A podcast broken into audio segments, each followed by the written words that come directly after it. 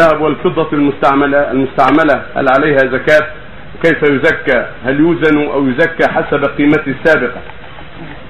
الذهب والفضة فيه الزكاة على الصحيح ولو كان يستعمل ولو كان يلبس بخلاف أهل العلم لكن الصواب أنه فيه الزكاة إذا بلغ النصاب والنصاب عشرون مثقالا من الذهب و140 مثقالا من الفضة ومقداره من العملة السعودية 11 جنيه ونصف هذا مقداره من العملة المعروفة الجنيه السعودي ومن الفضة 56 ريال وما يعادلها من الورق. المقصود أن هذا هو الواجب عليه وينظر في الوزن فإذا عرف أن زينة هذه السلعة من الذهب أسفر أو غيرها تبلغ أحد عشر جنيه ونصف عشرين مثقالا ينظر قيمته في السوق ويفرد عنها من الورق ما يكفي. نرجو